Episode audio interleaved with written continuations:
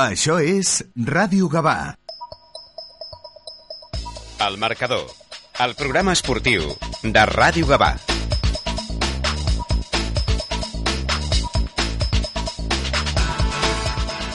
Molt bona tarda, benvinguts a una nova edició del Marcador, el programa esportiu de Ràdio Gavà, que com sempre a través del 91.2 de la FM us acosta l'actualitat esportiva que ens ha deixat el cap de setmana. Un cap de setmana que, bé, podríem definir que n'hem tingut una de freda i una de calenta. El Gavà rebia l'unificació Bellvitge a la Bòbila, en, amb el seu retorn al seu eh, camp habitual, i aconseguia la victòria per 3 gols a 1, mentre que per la seva banda l'Sporting visitava el camp de Levante les Planes on queia derrotat per 4 a 2. Per tant, eh, com dèiem, una freda i una de calenta, un eh, bon resultat pel Gavà, mal resultat per l'Sporting Gavà, que ara ja encadena dos eh, partits consecutius eh, perdent i que esperem doncs, que, que aquesta situació de, de l'equip blanc i vermell eh, es pugui revertir ben aviat i tornin al camí de la victòria. Per parlar de tot plegat tenim amb nosaltres aquí a l'estudi l'Alejandro Santiago, que és jugador del Club de Futbol Gavà, que ens explicarà una miqueta doncs, com, com va anar el partit. Suposo que, eh, Alejandro, eh, satisfets pel, pel resultat, no? Sí, molt bé. Eh, seguim amb la mateixa línia que, que seguim durant diverses setmanes, eh, seguim guanyant, bona dinàmica, l'equip molt junt, i bé, cap endavant, a seguir. Uh -huh. Eh, clar, no, no era un partit fàcil, no? Perquè l'Unificació, eh, doncs, eh, ja sabem que, que, que és un de, dels equips que, que en principi, sobre el paper, doncs, eh, són, són potents. Bueno, un equip molt dur, que la majoria de partits, si no m'equivoco, els ha empatat, eh, no estem tampoc molt acostumats al camp de la bòbila, és un factor també que ens afecta, sobretot el, per les condicions del camp, que no són les millors pel nostre lloc, però encara així, eh, bueno, com es va veure contra el partit de l'Sporting, que mai ens rendim i, i un altre partit guanyat. Uh -huh. um, ja en porteu uns quants uh, puntuant, em sembla que en són sis. Sí, sí, sí sense perdre. Sí. Sense perdre, eh, esteu segons a la classificació, eh, bueno, heu, heu girat la cosa com un mitjó, no?, des de principi de temporada. Sí, a veure, eh, és veritat que no... que ho veus ara i tampoc va ser un mal començament. Van ser, crec que dos empats i una derrota. Actualment tenim res, una derrota només. Eh, o sigui, quan portes una dinàmica negativa sí que es veu pitjor, però ara mires cap enrere i tampoc van ser tan mals resultats. Mhm. Sobretot eh, tenint en compte que van perdre contra la Copa, que era el primer. Sí, sí, que és el, el, continua sent el, Sí. el líder. Um, deixa'm que saludi a l'Isaac Fandos, que, que el tenim al, al telèfon. Uh, Isaac, bona tarda. Què tal? Bona tarda a tots. Com estàs? Bé, molt bé, molt bé. Sí. Uh, escolta'm, uh, imparable, no, el Gavà, sembla? Sí, molt bé, el que parlàvem, una molt bona dinàmica, amb només una derrota en aquest primer tram de temporada, que va ser precisament contra el líder de la categoria. Jo crec que l'equip ara s'està trobant molt còmode, que és veritat que potser li està costant una mica l'entrada als partits, però que amb aquesta fortalesa mental que està exhibint li està servint per donar-li la volta i per emportar-se bons resultats. Uh -huh. Sí, perquè de fet ja fa uns quants partits que comenceu encaixant, no? Sí. I, I sou capaços de, de, de revertir la situació. Mira, estem en bona dinàmica eh, i s'ha d'aprofitar. Quan més partits guanyem, millor. Uh -huh. Clar, la lliga és molt llarga, eh, són molts punts en joc. 34 jornades, no? Són Sí, sí, sí. I, i, cada, i cada, cada punt és supervaluós, no? Sí, sí, a veure. La primera vegada que em trobo també una lliga tan llarga, eh, en amateur, una lliga més dura i, bueno, de continuar, res a dir. Uh -huh. Perquè, clar, tu l'any passat estaves a juvenil, no? Sí, sí. De, de l'escola, Sí, el juvenil A. eh, el que va pujar. Sí. Bueno, com vas viure aquest moment? Bueno, doncs, eh, únic, únic, per dir-ho així, eh, el fet de guanyar Lliga Nacional al, al camp de l'Espanyol per sobre del Barça, eh, després a mala sort a Copa Catalunya que vam perdre penals, però vam empatar contra l'Adam, eh, divisió d'honor, que no sé si va ser top 3 o top 5, top 5 eh, una temporada màgica. Res més a dir. Uh -huh. I el canvi, has notat canvi de, de passar de juvenil a, amateur?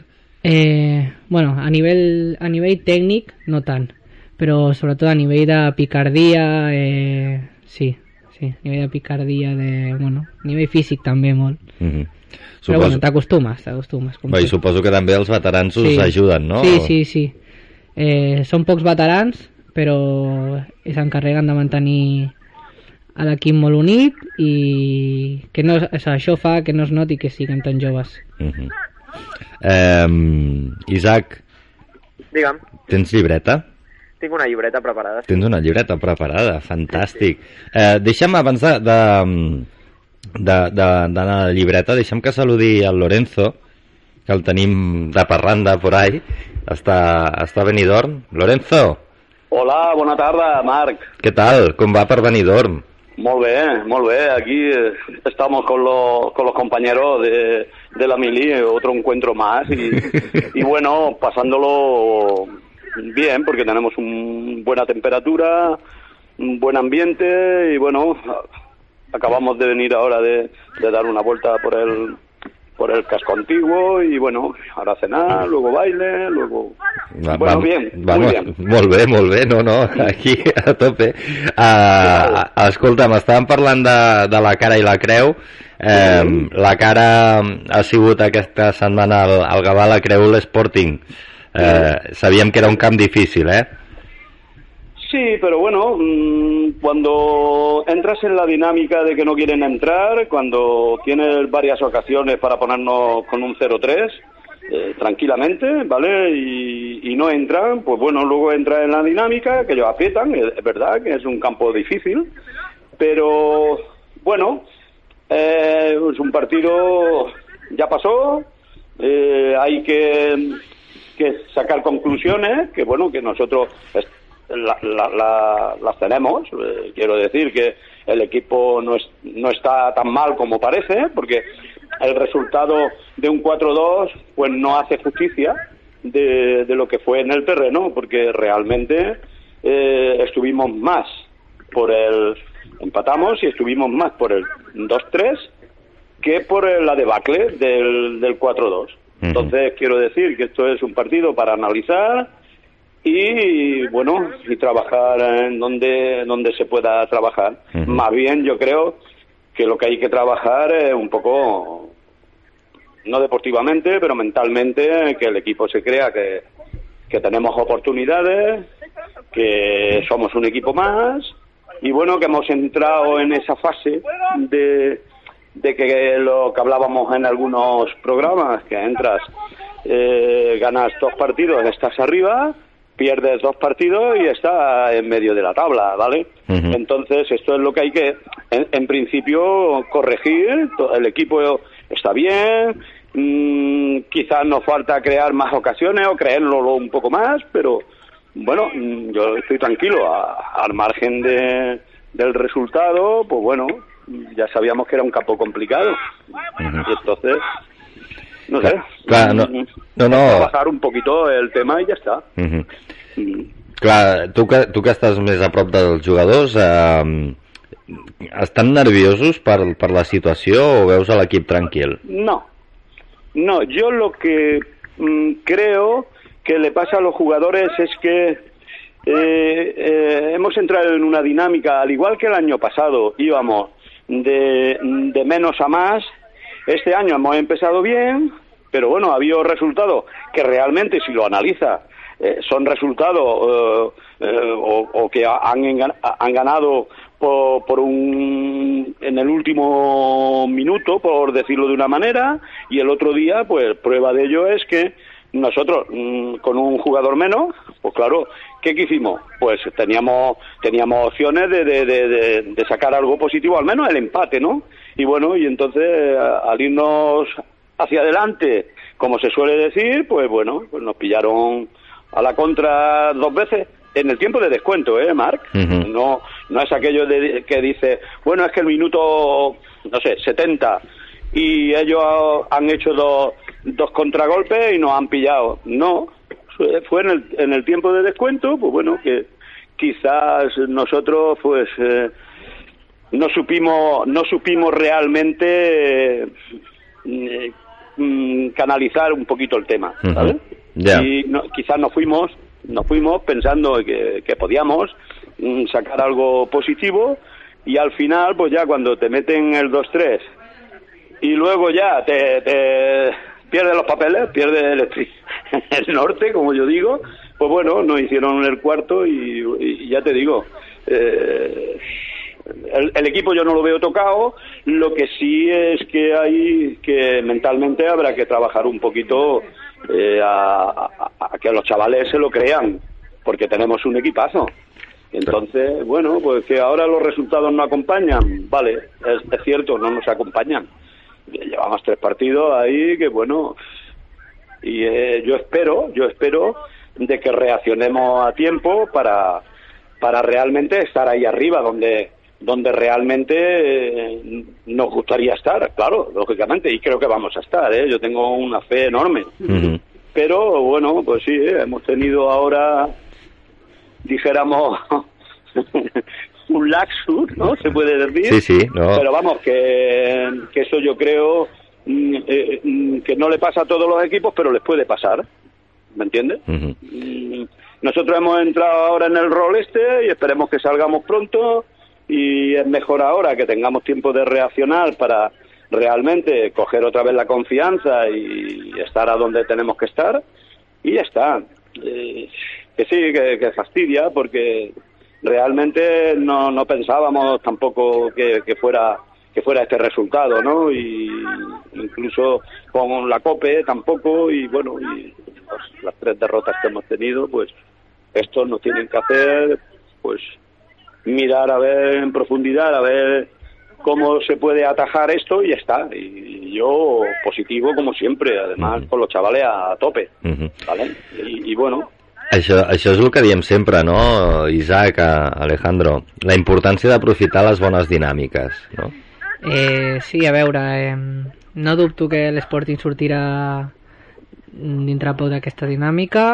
Eh, és un gran equip i bueno, en aquesta categoria hi ha camps molt difícils, com per exemple el Moja o el Vilanova del Camí, que anem aquesta setmana, que mm, encara que com a visitant eh, no siguin un equip eh, difícil de batir, a casa es fan molt forts. I això igual et pot, pensar, et, fa, et pot fer pensar que estàs en una mala dinàmica, però és que són camps molt difícils de guanyar. Uh Isaac, Sí, totalment d'acord. Al final, la sort que té l'esport i que tenen tots els equips en aquesta categoria és que serà una lliga molt llarga on tu pots tenir petits entrebancs com el que potser està patint ara l'Sporting, però que, que t'hi pots refer, que al final les diferències de punts, com després repassarem a la classificació, són mínimes i no, hi ha, no crec que hi hagi una, una gran distància ara ni que hi haurà, ni haurà dintre de 10 jornades una gran distància entre potser les fases de promoció i el vuitè o el novè classificat. Per tant, penso que, que tot s'hi jugarà a les darreres jornades. No crec ni fins i tot que el campió, que sí que té el premi directe de, de pujar, eh, es marxi, perquè jo penso que, que serà tot molt igualat fins a les darreres cinc jornades, però encara que tinguis un petit entrebanc, jo crec que encara és molt d'hora i que, que tots els equips es poden reposar tot, eh, encara d'aquests petits entrebancs que, uh Mhm. -huh. que van tenir durant la temporada. No, de fet, mm, aquests entrebancs eh, acostumen a ser normals, vull dir, les, temporades llargues passa això, no?, que, que de tant en tant doncs, hi han 3-4 partits que no estàs fi del tot, que no acaben de sortir les coses i mm, et deixes punts pel camí, eh, però, però el tema és, és poder-ho superar, no?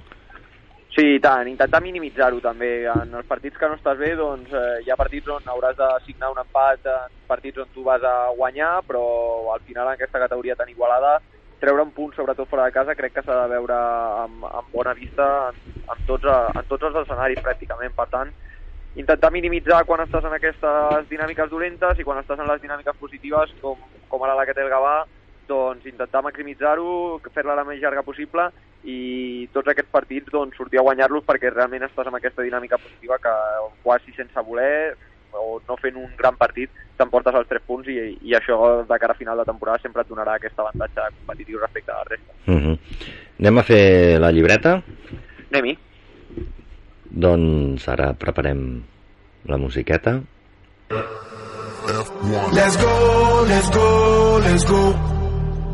Let's go, let's go, let's go. Doncs comencem la llibreta, com sempre, a l'apartat tàctic del partit, amb aquest 4-3-3 que ja estem veient des de l'inici de temporada, amb una alineació molt similar a la de les eh, darreres setmanes, amb la baixa d'Ernest eh, i l'entrada de Fladera al lateral dret, amb la recuperació de Franco, que havia estat eh, sancionat i no va poder jugar el derbi contra Sporting entrant com a, com a interior, deixant-li la posició de pivot a Ortega i amb els tres de davant que, que sempre estan repetint en aquestes tres posicions. El segon punt, doncs, ja ho hem parlat al principi quan mm, parlàvem una mica així per sobre de l'inici del partit, que són aquestes entrades als, als encontres que de moment el Gavà no està sabent gestionar o no està sabent entrar del tot connectat i li està passant factura. Per sort, eh, encara no li ha costat gaire punts, però sí que potser és l'únic deure que té el, el Gavà de cara a les darreres setmanes. El tercer punt, doncs, la fortalesa mental, és que al final va molt lligat. Si tu tens unes, unes males entrades als partits, però tot i així els estàs traient, és perquè estàs demostrant que ets un equip amb una gran fortalesa mental. Mm, penso que els jugadors s'estan reposant molt bé, que al final quan tu ets capaç de remuntar un parell de partits amb aquesta situació, doncs ja mentalment, encara que encaixis, estàs pensant en els darrers partits que ja ho has fet, saps que és capaç de, de donar-li la volta i per tant ara, ara mateix el Gavà es troba en aquell moment en el que tot li surt de cara tot i posar-se per, eh, per sota en el marcador. El quart punt, doncs, el bon inici de la segona. Al final el Gavà va entrar amb, de, amb empat al marcador al descans i en canvi a la segona part va entrar de, de forma molt positiva generar ocasions des del principi, aquella que es va reclamar penal, i en dos minuts va deixar el partit pràcticament liquidat. I el cinquè punt, doncs, el, la velocitat també de no patir. Crec que la segona part del Gavà, especialment a partir de l'1-3, ai, perdó, del 3-1, no va ser excessivament positiva en quant al joc, però se li ha de reconèixer que amb, amb aquest tipus de marcadors que poden ser una mica trampa, eh, va gestionar molt bé l'avantatge en l'electrònic i no va, no va patir en cap moment, pràcticament no va, no va deixar oportunitats de ficar-se en el partit a l'equip visitant, les més cases les va tenir el Gavat, tot i no està en un nivell excels en el joc, però sí que va saber no patir, que al final en aquesta categoria és molt important i s'ha d'intentar seguir així per donar-li continuïtat a la dinàmica. And I don't wanna be late for the show. Doncs aquest era l'anàlisi del partit que feia l'Isaac Fandos amb música de Will.i.am i J Balvin. Eh, let's go. Mm, bueno, bastant, bastant adient per, per, per els resultats que està obtenint eh, el Gavà. Eh, comentaves, Isaac, el tema dels deures, aquest, eh, que, que són els inicis dels partits. Eh, Alejandro, no sé si són els deures que us ha posat eh, en Serrano. Home, eh, ahir ens deien en tota broma que si podia ser que, que encara que guanyés, que, o sigui, que no feia falta eh, començar perdent per guanyar el partit. Eh, a veure, coses que passen, però mentre seguim guanyant, res a dir. Uh -huh. Bueno, això parla molt bé de l'equip, eh, que mai es ve a baix i encara i així eh, podem treure els partits cap endavant. Uh -huh. eh, Isaac, Digue'm, Marc. t'ha agradat la cançó? Sí, m'ha agradat. Sempre m'ha agradat la tria musical que fem aquí a Marcador. Sí, sí, avui, bueno, com sempre l'ha triat el, el Carles. Eh, uh, let's go. Mm, clar, mm, fa, fa unes setmanes, el, el que comentaves tu, no?, de que uh, guanyes tres partits seguits i, i puges com un coet, eh, perds un parell i, i t'enfonses com, com una pedra, no?, pràcticament a la classificació. Però, però el Gavà està segon i només està a dos punts de, de la Cope. Sí, i tant. Al final és una notícia molt positiva estar segon en aquestes alçades de campionat, però si no em descompto crec que és la jornada 8 o 9, ara no... Crec que és la 8, veritat? Portem? Eh, la 9, la 9. S'ha jugat la nou, 9, nou. la setmana vinent és la 10 ja. I són 34, heu comentat, veritat? Mm, sí, en principi sí, espera, t'ho Bueno, confirmo. doncs, doncs, si són 34, jo crec que fins a la jornada 12 no, no vull dir tampoc realment a la jornada 12 no és que sigui una cosa matemàtica, però sí que al final a mi m'agrada dividir una mica les, eh, les competicions en tres terços.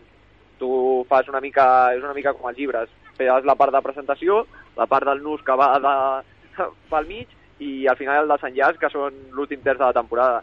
Si tu fas una bona presentació, doncs al final ja ets un candidat en, en la part dels nus d'estar allà dalt. Mm, Bueno, jo crec que fins que no es compleixin aquestes 12 jornades almenys, tampoc cal, cal tirar una mica de coets en l'aire. Crec que l'equip ha fet un gran inici i això s'ha de, de valorar. Són punts que al final de temporada han de servir per l'objectiu principal, que al final era, era la permanència, i un cop eh, tu l'obtinguis i estiguis a dalt, doncs t'has de permetre somiar que al final és el, és el més bonic del futbol. Uh -huh. em, Lorenzo, Dime. ¿qué tal? ¿Todo bien? Pues nada, bien, Sí. bien, bien. Hem- hem- Eh, hemos- yo realmente el- estoy escuchando y el, el Gabá pues eh, hizo un gran partido, fui a verlo. Mm, me gustó y felicitarlo porque están ahí los segundos y, y espero que, que sigan ahí mucho tiempo. Ahora los que tenemos que reaccionar eh, quizás seamos nosotros, pero vamos, que el Gabá para mí, ya, ya lo he dicho muchas veces, tiene buen equipo, eh, ha entrado en una dinámica que, que ha ganado prácticamente seis partidos y entonces yo creo que lleva la línea la línea correcta a seguir, ¿vale? Ahora lo único que tenemos que coger un poquito la onda somos nosotros y ya está, y creerlo y, seguir soñando y seguir trabajando, no hay otra, y, bueno, y empezar a, a pensar ya que vamos a, que, que, que esta, esta racha o este bache, como se le suele llamar, pues que vamos a estar ahí fuertes y vamos a luchar hasta el final, lógicamente. Uh us, uh, us, us fa a, a la novena posició? No, no, sinceramente no. Y, y- y sabes que soy muy, muy sincero. Eh, mm, no, porque entiendo mm, que esto, esto lo vamos a superar entre todos juntos, vamos a analizar realmente qué ha pasado en, en estos tres, en estos tres partidos que han sido en los últimos minutos y analizar a ver dónde se puede trabajar realmente para, para estar ahí donde, donde queremos y donde deseamos, vamos. El tema, el que esté ahí, ya te digo, eh, ganamos dos partidos y estaremos en el tercero o el cuarto y lo que, ha- lo que hace falta es ganarlo, ¿vale? Pero en esta liga tan larga puede pasar de todo. O sea, mm, del que tú te puedes imaginar que está ahora ahí arriba, eh, por ejemplo, equipos que están ahí, que, que realmente son, son nuevos en la categoría, pues a lo mejor en dos partidos se ponen con, con nosotros y, y, al, y- y al revés, o a lo mejor los que piensas que van a estar abajo del todo van subiendo, van escalando, como, como el que no quiere la cosa y, y bueno, yo siempre lo he dicho, una liga larga, pues hay que esperar, hay que trabajar, seguir trabajando, seguir soñando y bueno, y hasta que no sea la penúltima la última jornada que vea dónde en la posición que está, pues bueno, hay que seguir trabajando y peleando y luchando. Ujú. Vamos, yo entiendo que eso, eso tiene que ser así. Sí, sí, no. Eh, ara, ara falta veure... Clar, el bo és que aquesta derrota s'ha produït a fora. El proper partit eh, jugueu a casa. Important, suposo, també que, que l'afició apreti Sí, no, i ajudi. La, la, la, la afición va a, estar, va a estar aquí. O sea, esto no es casualidad. El que el derby se, se, se pusiera al campo como estaba es un derby y lógicamente atrae a, a gente, ¿vale? Del pueblo. Pero nosotros entramos en la dinámica que siempre eh, eh, nuestro público está ahí. Nuestro público va a seguir confiando en nosotros porque cree en nosotros y porque cree en este equipo. El tema es que al público no le va a afectar el que nosotros estemos en el noveno, estemos en el tercero, no le va a afectar, porque van a seguir viniendo i ja està. I, No, però jo em, em referia més aviat al fet de que, per sort, el proper partit és a casa i que el, Sí. el, el, el, el públic pot ajudar l'equip a, a, a agafar aquesta supuesto, sí. confiança. Marc, en dos partidos eh, que puntuemos, eh, que, que, entremos en la dinámica de, de ganar los partidos, aunque como hemos dicho muchas veces, minuto 90 y, y aunque sea fuera de juego, pero mm, que puntúen los tres puntos. Mm, La dinámica de- del equipo es buena y, y el equipo mm, va a estar a tope. ¿Qué? ¿Que hemos tenido esta rachita? Bueno, yo confío en que los chicos van a saber reaccionar y bueno, y, y supongo que el cuerpo técnico trabajará trabajará el tema y bueno, y ya está. No, no sé si estàs organitzant ja un superet, perquè jo sé que tu aquestes coses, mm, eh, la, la teva feina per arreglar aquestes coses a vegades va en aquesta línia.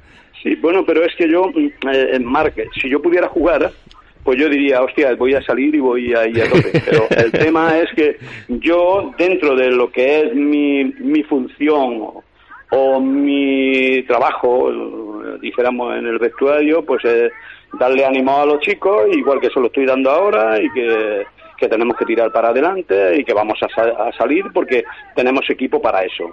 Eh, y ya está, y yo voy a trabajar esto, eh, como se suele decir, cuerpo a cuerpo con los chicos, y ya está, y, y esto vamos a salir seguro, estoy convencido porque llevo ya un tiempo yo con ellos, los conozco, sé que son buenos, primero buenos, buenos deportistas, buenos jugadores, y luego mm, grandes personas, entonces entiendo que, que esto se va a solucionar y que tardemos dos partidos, tres, pero vamos hasta ahí arriba, seguro. Uh Yo tengo, yo tengo esa fe, vamos.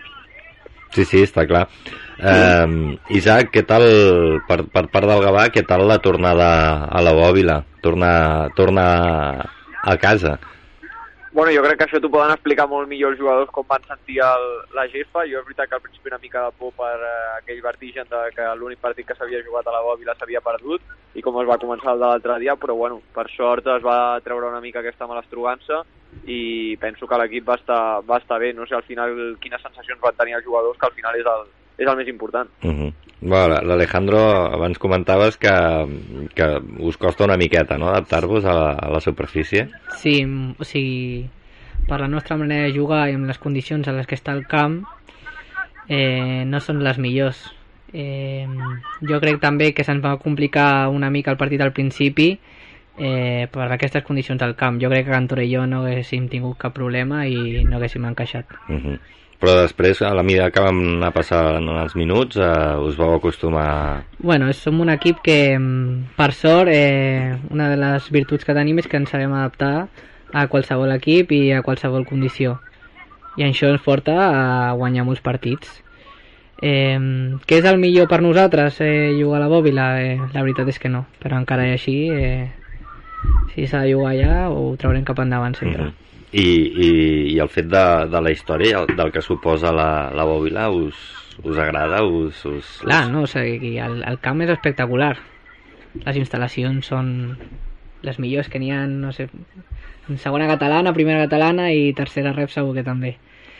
Però, és clar, eh, si volem seguir una bona dinàmica i guanyar a millors equips que el Belvitge, per mi hauríem de jugar a Can Torelló, Uh -huh. fins que s'arregli el problema de la gespa. Uh -huh. Per tant, no, no la vas veure gaire millor? eh, donava molts vots la pilota, moltes relliscades eh, que en qualsevol partit ens poden comprometre Uh -huh. en una jugada important. Uh -huh. Deies alguna cosa, Isaac? Isaac? Oh. M'havia semblat sentir-lo. No? Isaac, estàs aquí? Ah, perdona, sí, sí, estava, que m'havien vingut a parlar un Ah, moment i... eh, vale, vale, vale, és que no, no sabia si volies dir alguna cosa sobre la ah, no, gespa. no, no, no, no. No, Tu- no, no. Bueno, que al final el que comentava, al final són els jugadors els que s'han de sentir còmodes o incòmodes pel que diuen, doncs, no es van trobar tots els còmodes que ens agradaria i no sé, no sé realment com, com és el tema. Sí que és veritat que al principi del partit la sensació era prou bona en quant a la qualitat de com s'havia recuperat la gespa. Sí que és veritat que després al descans jo vaig passar pel mig i tenia la sensació de que s'estava aixecant bastant i, i durant el partit tenia la sensació això, que potser una mica húmida i que, que s'aixecava bastant en segons quines situacions. Però bueno, al final és, és difícil adaptar-se sobretot en el sentit que entenc que només estan entrenant o només han pogut entrenar un dia a la bòbila i al partit i clar, al final l'adaptació en un dia és, és pràcticament impossible. Uh -huh. No, i a part que, que el, el tractament continua endavant, suposo, vull dir, eh, s'està fent el tractament, està una mica millor del que estava eh, i, i a partir d'aquí esperem que vagi millorant. Eh, tots sabem, a més, també que la gespa de la bòbila normalment quan està bé és cap a la primavera. Eh, que, que més o menys eh, és quan Bueno, jo la veig cada matí, o sigui... tu la veus cada matí. Jo visc al costat, o sigui cada matí la veig. Per tant, has vist que hi han anat fent coses, no? Sí, sí, això sí que ho veig, però clar, el problema jo crec que és a sota de la gespa. Mhm. Per dalt molt bonica, però a l'hora de trepitjar-la és Ja. el problema.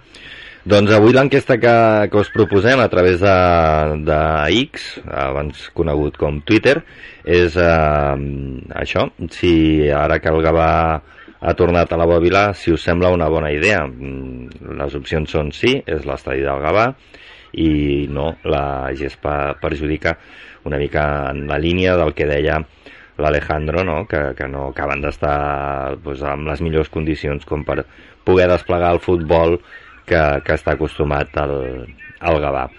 Anem a repassar resultats de, dels altres partits i classificació i, i continuem xerrant una estona més.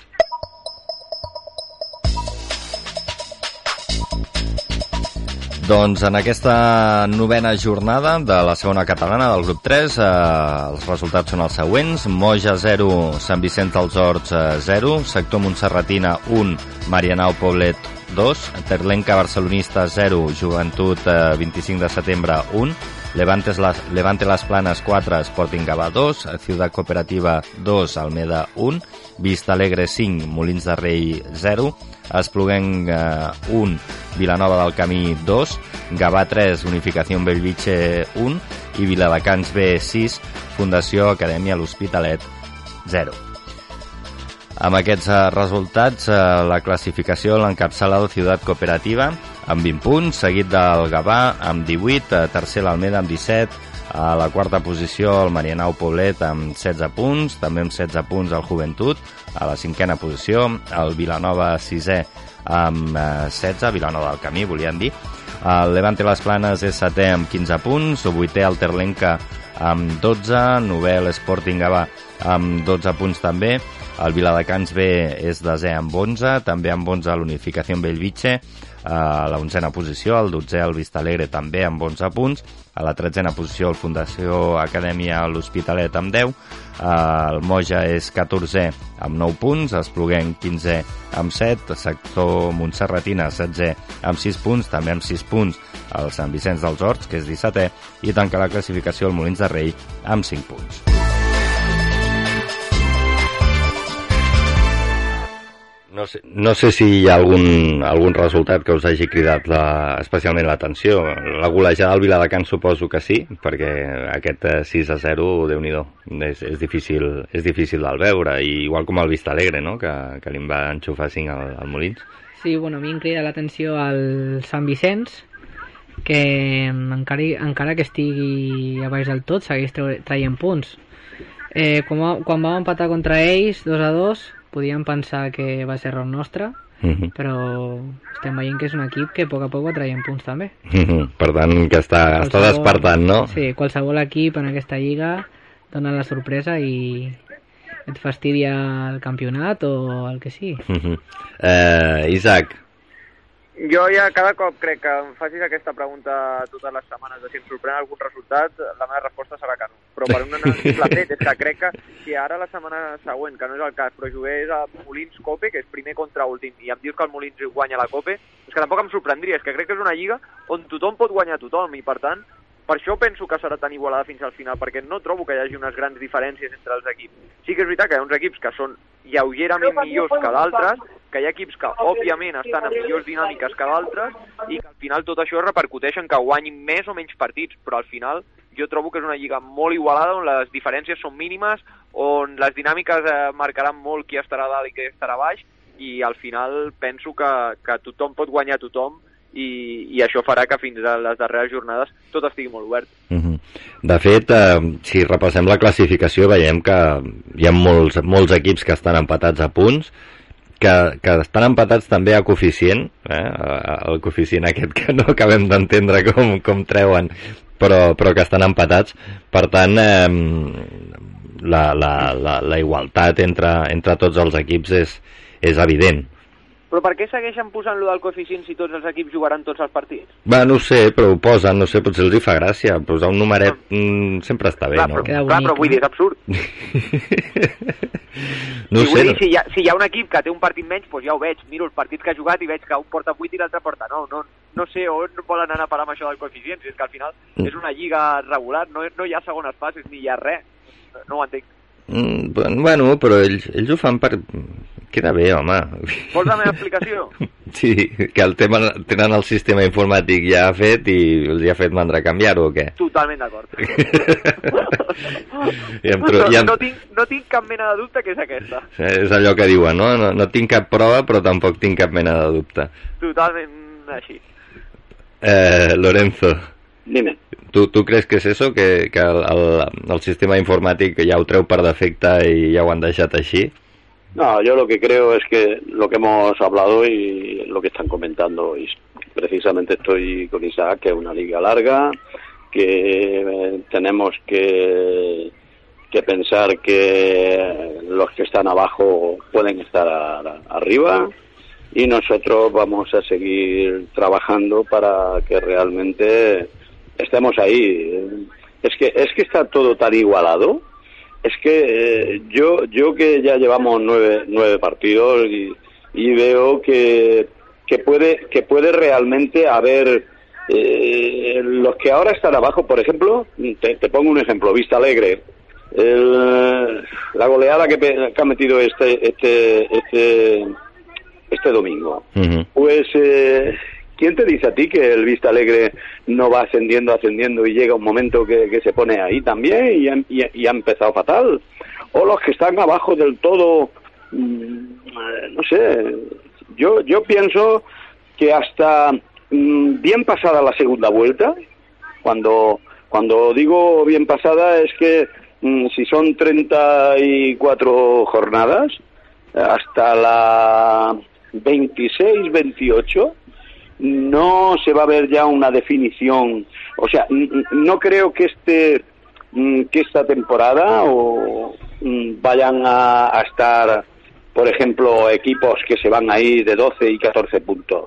Pienso que no, ¿eh? A lo mejor estoy equivocado, pero mm, yo confiaría precisamente eh, el equipo que tiene eh, que trabajar, que trabaje y bueno, y, y a ver a ver lo que pasa eh, cuando cuando realmente mm, pasemos la segunda vuelta, entonces ya empezaremos a ver definiciones, definidos equipos, definidos equipos como dije el otro día que tienen su fondo de armario, porque claro, ahora empezamos la liga, luego vienen las lesiones, viene pues bueno que a lo mejor hay equipos que tienen tienen poco fondo de armario como aquel que dice y tienen un once titular que es muy bueno pero luego empiezan eh, a, a fallarle por, por lesiones por, por, por cosas que pasan en una liga tan larga y, y bueno y a lo mejor pues bueno mm, quien tenga a lo mejor mejor.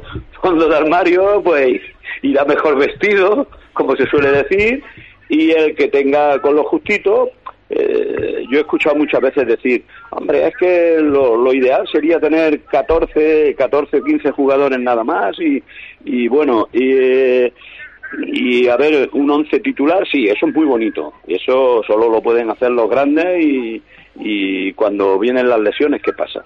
¿Me entiendes? Entonces, yo pienso que hasta que no veamos un poco ya la, la liga un poquito más encarrilada, porque esto acaba de empezar y claro, yo, yo pienso que habrá que esperar mm, a- como mínimo mm, la primera vuelta.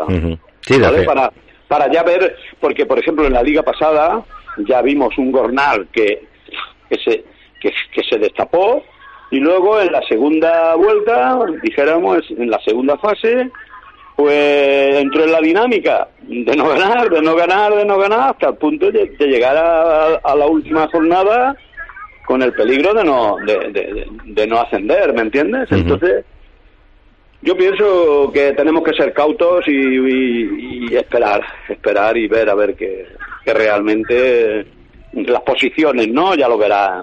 Equipos que estaban bajo estarán eh, arriba y equipos que pensábamos que iban a estar arriba, ¿vale? Eh, estarán en, el- en la mitad de la tabla. Eso es lo que creo yo, ¿eh? Pero vamos, Bueno. habrá que esperar, habrá que esperar, Marc. Pues ne- anem a fer la porra i, i, liquidem, i liquidem la tertúlia, si us sembla. Sí, bien, bien. El, el proper partit eh, l'Sporting Vigit eh, rep el, el Moja, El i, Moja, el, sí. i el Gavà va al camp del, del Vilanova del Camí. Mm. Eh, vinga, va, comencem per tu, Lorenzo. que bueno, estás, que pues estás yo, más lejos. Siguiendo, si- siguiendo la dinámica de estos últimos partidos, pienso que el resultado nuestro, mm, que vamos a reaccionar y vamos a entrar ya en la dinámica buena y positiva, voy a poner un 3-1 eh, para el Sporting y 1-2 eh, para el Gabá, que puntuará afuera. Molt bé. Isaac, 1-0 i 0-1. 1-0 i 0-1. I Alejandro? Jo crec que l'Sporting guanyarà 1-0 Uh -huh. I nosaltres, encara que sigui un camp difícil, 0-2. 0-2, porteria 0, fantàstic. Sempre. Eh, I jo, va, vaig a posar un 2 a 0 per l'Sporting i mm, un 0-3 pel Gavà. Doncs pues ja està, ja ho tenim. Bueno, muy bien. Eh? Buen- buen- bu- buenos resultados para que se cumplan. Mhm. doncs esperem que sí. Uh, Lorenzo, moltes gràcies per atendre la nostra trucada, que vagi molt Nada. bé per aquí. Ya sabes que aunque estemos lejos, estamos cerca. Muy bien, pues a disfrutar por Benidorm. Un abrazo. Muy bien, pues un abrazo para todos. Isaac, Una abraçada a vosaltres. sí, tu, encara que no estiguis a Benidorm. Eh? No, estic aquí, ja sabeu que estic a menys de 5 quilòmetres, però les obligacions professionals no em deixen, no em deixen assistir-hi. Molt bé, doncs eh, ens, ens escoltem la setmana vinent. Setmana que acabé més i millor. Mhm, I tant. Vinga, una abraçada. Una abraçada molt gran. I Alejandro, a tu doncs agrair-te també que, que, hagis, que hagis vingut a, aquí al, al marcador, que continuï la ratxa. Moltes gràcies. Esperem que continuï i, i molta sort amb, amb el que queda de, de temporada. Moltes gràcies. Nosaltres res, el que fem ara és una breu pausa publicitària i tornem de seguida per parlar de la marxa del Garraf i d'altres coses.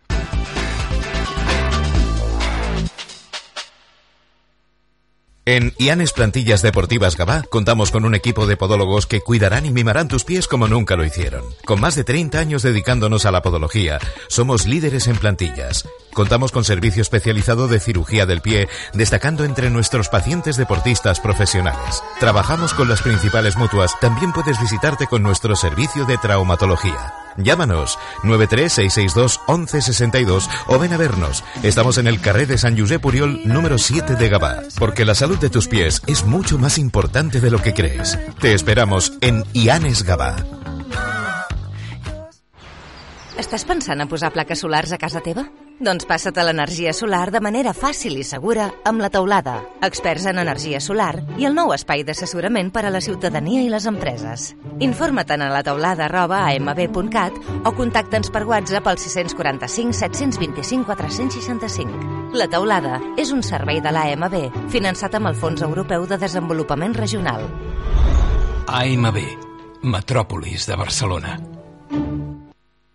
Pulso acelerado, mariposas en el estómago, cosquillas en los ojos, corazón contento. Estás a punto de vivir una gran historia en la pantalla grande de Cinesa y tus emociones lo saben. Esta semana en Cinesa, Trolls 3, todos juntos. Disfrútala también en versión original. Consulta cines, horarios y calificaciones en cinesa.es.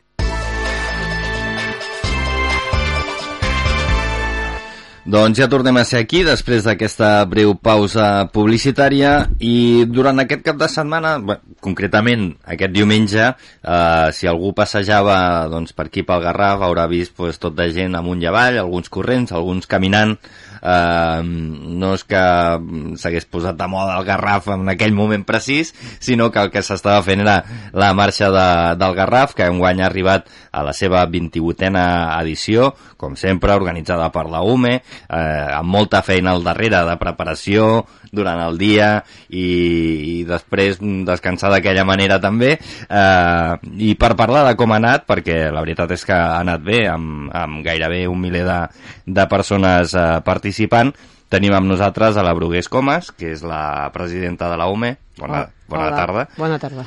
I també el Víctor Espinós que és el director de la prova, no? Coordinador. Coordinador, Coordinador. bueno. Ara, ara t'hem posat allà a un nivell. Però fes-ho, fes-ho, cor- director de la prova no està mal, eh? No, però prefereixo coordinador. I, i des de Em fa... sento més a gust. Vale, vale, perfecte. I des de fa un temps que ho fa, que no és la primera. Sí, sí, sí, La sí, quarta, sí, la sí, sí, quarta. per això, per això. Uh, bueno, mm, gairebé 1.000 inscrits, eh, com sempre suposo que posant topall no, a, a les inscripcions eh, i un èxit de participació, no? Una miqueta ens, ens anem recuperant, sí que hem tingut anys que hi ha hagut més participants, Mhm. però sí que és veritat que també tenim un, un tope, no?, que també ens, els, ens el posen des del Parc Natural, perquè és veritat que entrem dintre d'una zona amb una protecció i tampoc podem eh, trepitjar masses persones al mateix temps a, una, a aquella zona, no? Però tot i així doncs, hem anat recuperant una miqueta respecte a aquests últims post-Covid, no?, o jo crec que no ha estat malament, no? Sí, no, no, no ha estat malament. Uh, dintre de les caminades de resistència, perquè la marxa del Garraf està dintre del circuit català de caminades de resistència de la FEC, uh, som de les més uh, multi, multi, Urinàries, sí. Sí. Um, hi ha altres marxes per molts llocs de Catalunya, però nosaltres sempre ens eh, mantenim entre, crec jo, de participació entre les tres o quatre primeres de, de Catalunya, de, Mhm. del circuit. Comentaves, Brugués, que us esteu recuperant de, de la Covid, diguéssim. Clar, va, això va ser un, un, un moment complicat per tots, eh, per molts aspectes, no? però pel món de, de, de l'esport i, de, i de la marxa també va ser, va ser un moment difícil, no? Bueno, sí, també eren restriccions Sí, sí, no, clar, no, no, no vam poder-ho fer i la gent doncs, també li ha costat una miqueta tornar a engegar però jo crec que estem ja Sí, a tope Jo, jo crec que en aquell moment eh, la, el, els participants, el tope que hem posat de 500 i escaig, perquè si, si som 501 no passa res, que tant per la llarga 500 com per la curta 500 és la quantitat eh, Assumir. convenient a Mm. assumir eh, no des de l'organització perquè som capaços de, ho hem demostrat al llarg dels anys de fins i tot arribar a 1.500 però sí a nivell de protecció de, del parc del Garraf eh, com deia la Brugués és una quantitat que és assumible el parc està d'acord i, i crec que per aquí han d'anar les coses Uh -huh. em, per la gent que no ho sàpigui, són dues marxes amb una. Hi ha Sí. una de curta, diguéssim, per la, per la gent que no està tan preparada, eh, que em sembla que són... Quan? Sí, 23. 23 sí. quilòmetres, i després hi ha la, la llarga. Ah, no, no tan preparada tampoc, eh? però Bueno, ja, ja, una, però- una miqueta la, la llarga està dintre de la Copa Catalana, com comentava abans el Víctor, i sí que té una llargada que són de, de 40... Sis. 46. Sí. És, hem anat canviant a vegades el recorregut i per Mhm. això a vegades, alguns anys ha estat 47, alguns anys 48, alguns anys, aquest any ha sigut de 46. Em, I és la que ve més gent realment hi havia més inscripcions de la marxa llarga perquè ve gent de tota Catalunya que està participant dintre la Copa Catalana no? De, Sí. no és, és, el que es guanya és només la participació vale? però és, és, és, és una copa no? en canvi a la, la que és la, la més curta que són de 23 23, o- 23 que igualment són quilòmetres igualment és desnivell, igualment és un paisatge brutal i que tampoc ho pot fer qualsevol vull dir, sí que podem es, es, trigar dues hores, dues hores i mitja, però també en podem trigar cinc hores o sis hores en fer-la. Vull dir, Mhm. no, és lo no, no és mojo de pavo, no? No, no, no, eh, està clar, vull dir, depèn d'on, eh, i, i més aquí al Garraf, que no, Mhm. no és allò una cosa planeta, sense desnivell, vull dir, clar, al final el desnivell acumulat es va acumulant a les cames, evidentment. Sí, sí, la, tant la marxa llarga, sobretot, com la curta, no és solament el desnivell i els quilòmetres, sinó també és que és molt tècnica, o sigui, allà en, es va per un terreny calcari amb molta pedra i s'ha de saber caminar per la muntanya, o sigui, està acostumat. No és una pista forestal, no? Mhm. és, és, és corriol, és, és pedra Sí. i és... Sí, sí, cansa, cansa.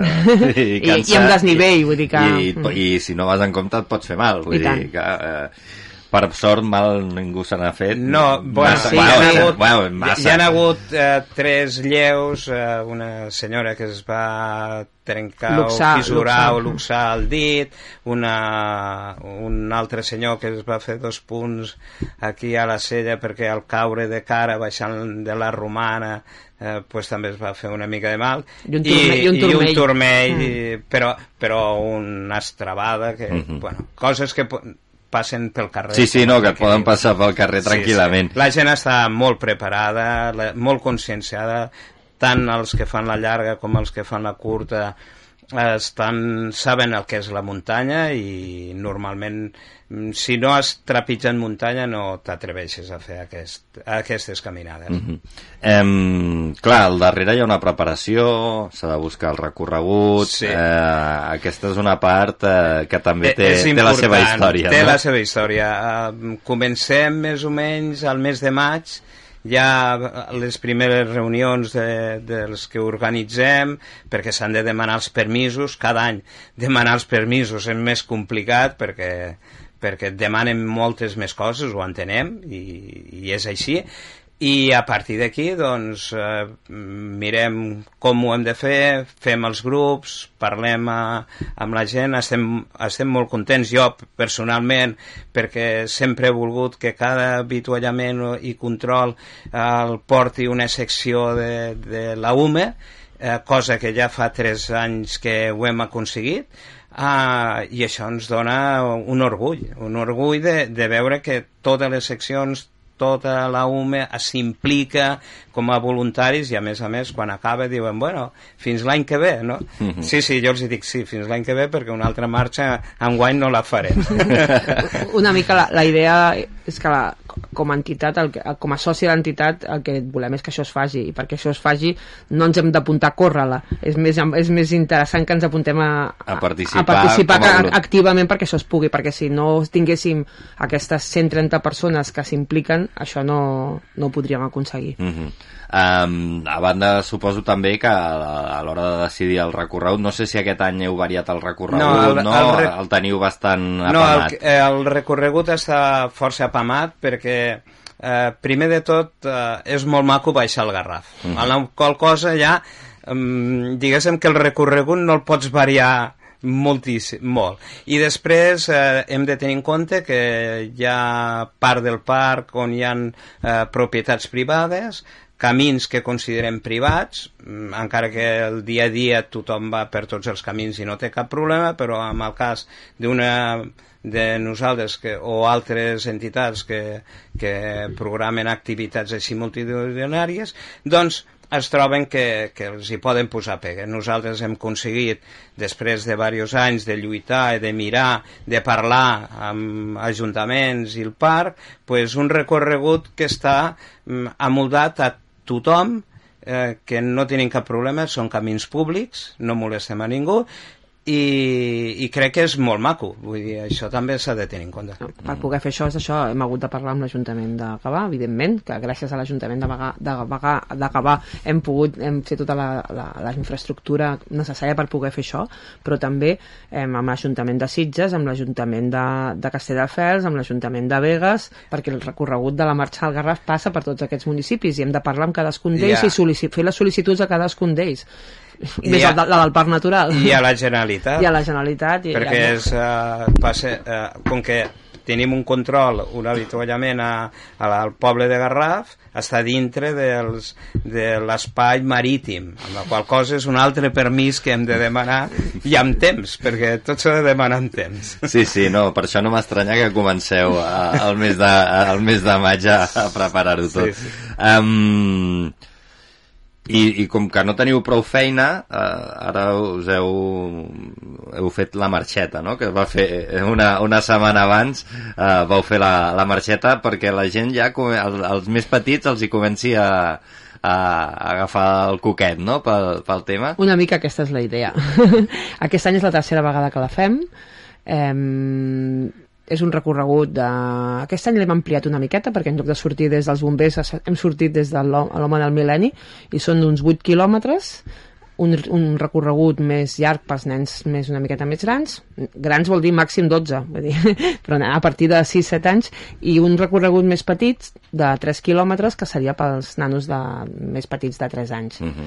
i la idea és, un, és, una, és una marxa que la- s'ha de fer amb el pare i la mare vull dir, no, o amb, amb, un, amb un adult vull dir, no poden anar-hi sols i fan el recorregut i tenim la sort també de que fa 3 anys contem amb la participació d'uns voluntaris de la- de l'Immaculada Concepció Mhm. d'alumnes de tercer que fan el voluntariat i aquell dia doncs, ens donen un cop de mà en el control i, i participen cada any unes 50 famílies no fem molta difusió perquè, bé, perquè ho volem tenir més o menys controlat potser per l'any vinent potser sí que ampliem, però bueno, com, com, com ja hem, hem après, per poder organitzar una cosa amb més, amb més gent necessites molts més voluntaris dels que tenim ara en, en, amb la marxeta, però bueno, tenim la UME té 600 socis, vull dir que si, segur que si els hi demanem col·laboració un diumenge al matí, és possible que, que tinguem més gent de la que necessitarem. Mm -hmm.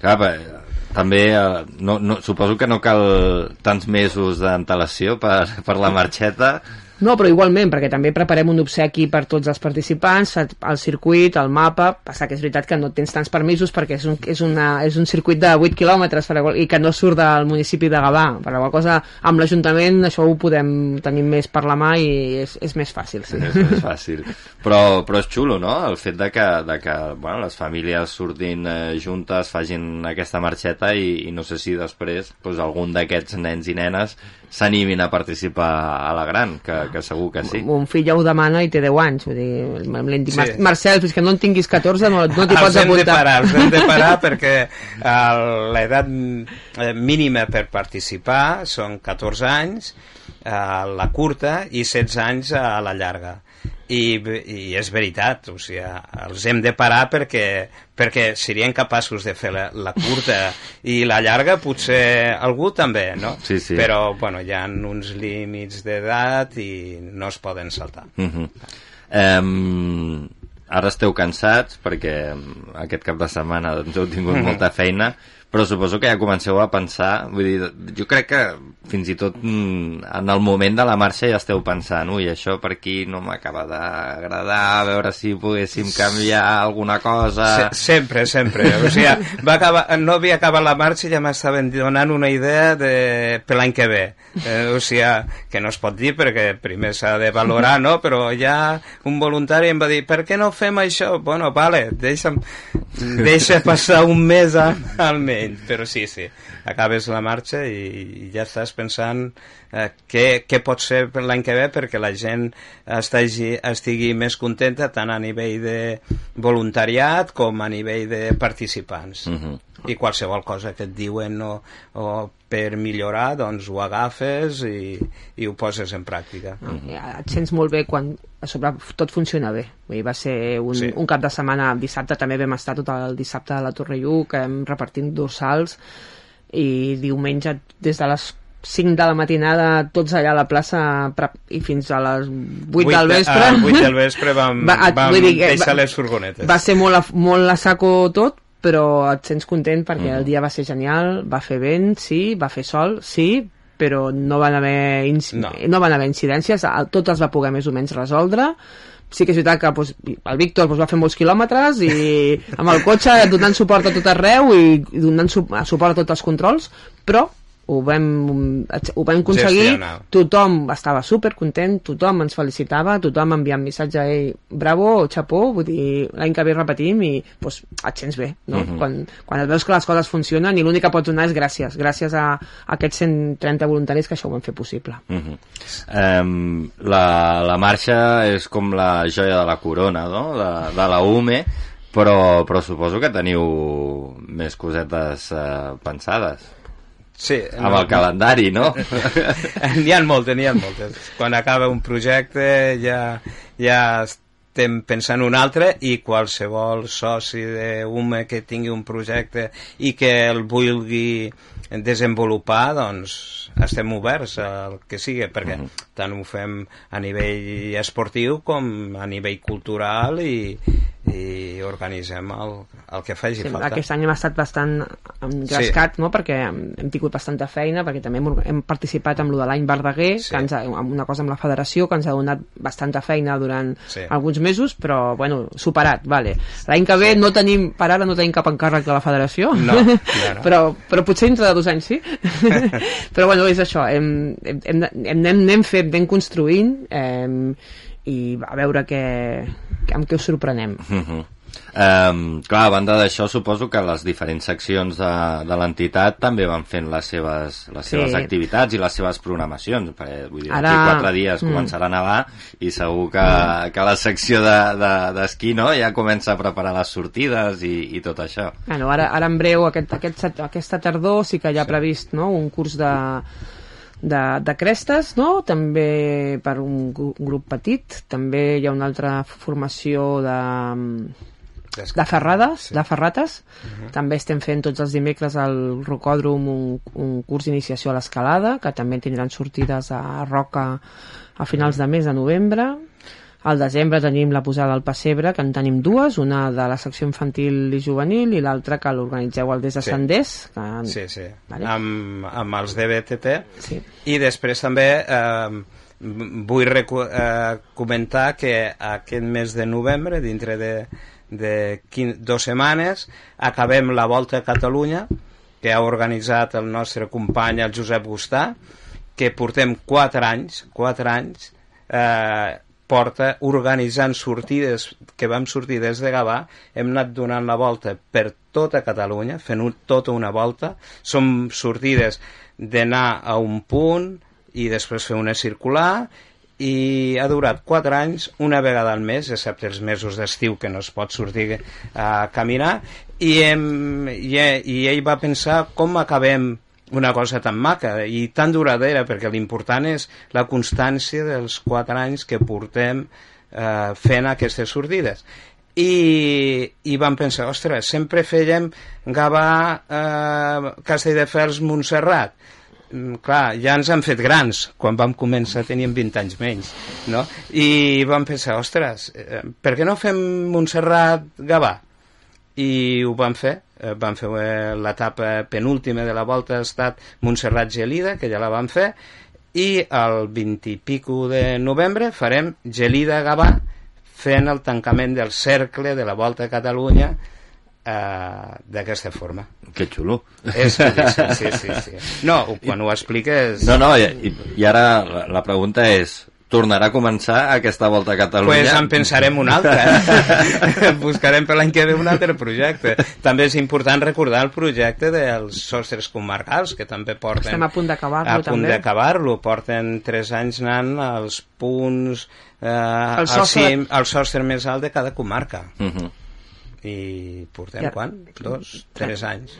S'han fet els 41 sostres. O... Sí, sí, tots els sostres ja s'han fet. Hi han repesques, perquè hi ha gent que Que no tenia pogut- algun pendent. Mm. Sí, Clar, sí. cada secció té la seva, la seva idiosincràsia i, i anem fent. Uh -huh. Però lo important és això, no? Que, que tots eh, formen part de, de la UME que, i que la gent s'engresqui, no? Que, I transmetre doncs, aquest amor per la muntanya, per la natura i, i, i, per, i per la cultura del país, no? Mm -hmm. Exacte. Uh -huh. Molt bé, doncs, uh, Brugués, Víctor, un plaer eh, que estigueu aquí explicant-nos una mica la feina que feu a la UME i més concretament també a la, a la marxa del Garraf. I escolteu, qualsevol cosa a la vostra disposició. I animeu-vos tots, que la, tampoc són tants, 23 quilòmetres, eh? Potser, però, que, però que és assumible, és assumible per moltes de vosaltres. Sí, sí, 23 quilòmetres es poden fer. S'ha s'ha de, de fer una mica de preparació. Es pot entrenar que ho tenim aquí al No, costat i, de a, casa. i a més a més es menja molt bé, vull dir que és un Que- tema Això- que això- a la marxa no, no, No ho hem dit. comentat, però s'ha de comentar que, que és de les, la marxa on tu comences eh, pesant X quilos i quan acabes en peses més. Peses O sigui, més, eh? I no, i no perquè t'hagis i no posat perquè hagi- a, no, no, a la no, butxaca no. pel no, vent, per- ni sinó perquè res. als avituallaments es tracta molt bé la gent i, i hi ha força eh, Bon menjar. bon menjar, que viure, eh, llaminadores i al final la botifarra que no podia faltar. Home, que abans estava a, al mig de la marxa llarga i per motius de, del parc, de que no es pot fer foc naturalment, doncs vam dir no es pot perdre la botifarra i la tenim pues això, a l'arribada. a l'arribada. Tant si has arribat o t'has retirat. Tothom té dret a la A botifarra. la, a la que poses els peus a la, a la, A la plaça. A la plaça ja tens ja tens la botifarra. botifarra preparada. Fantàstic. Doncs ho tindrem en compte per l'any per l'any vinent. Eh, Víctor Brugués, moltes gràcies per acompanyar-nos i, i com deia abans, qualsevol cosa, aquí estem disponibles per vosaltres. Moltes gràcies. Nosaltres, abans de marxar, el que farem serà repassar la resta de resultats poliesportius que ens ha deixat aquest cap de setmana.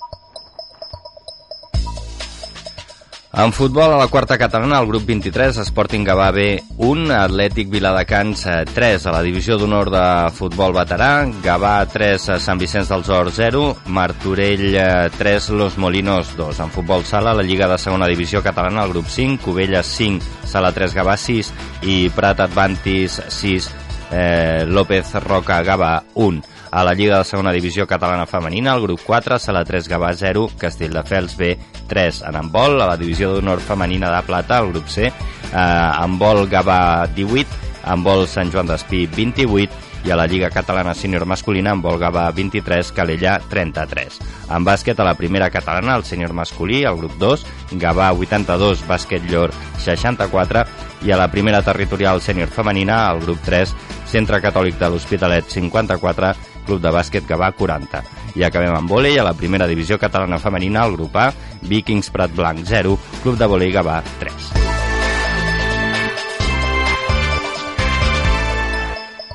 Doncs ara sí, arribem al final del programa. Moltes gràcies per la vostra atenció. Gràcies també al Josep Antoni Moreno, que ha estat a la producció, al Carles Cianes, que ha estat als controls tècnics, i com deia, tots vosaltres que ens heu escoltat. Nosaltres, com sempre, si tot va bé, ens retrobem dilluns de la setmana vinent a dos quarts de vuit del vespre. Fins aleshores, que vagi molt bé. Adéu-siau.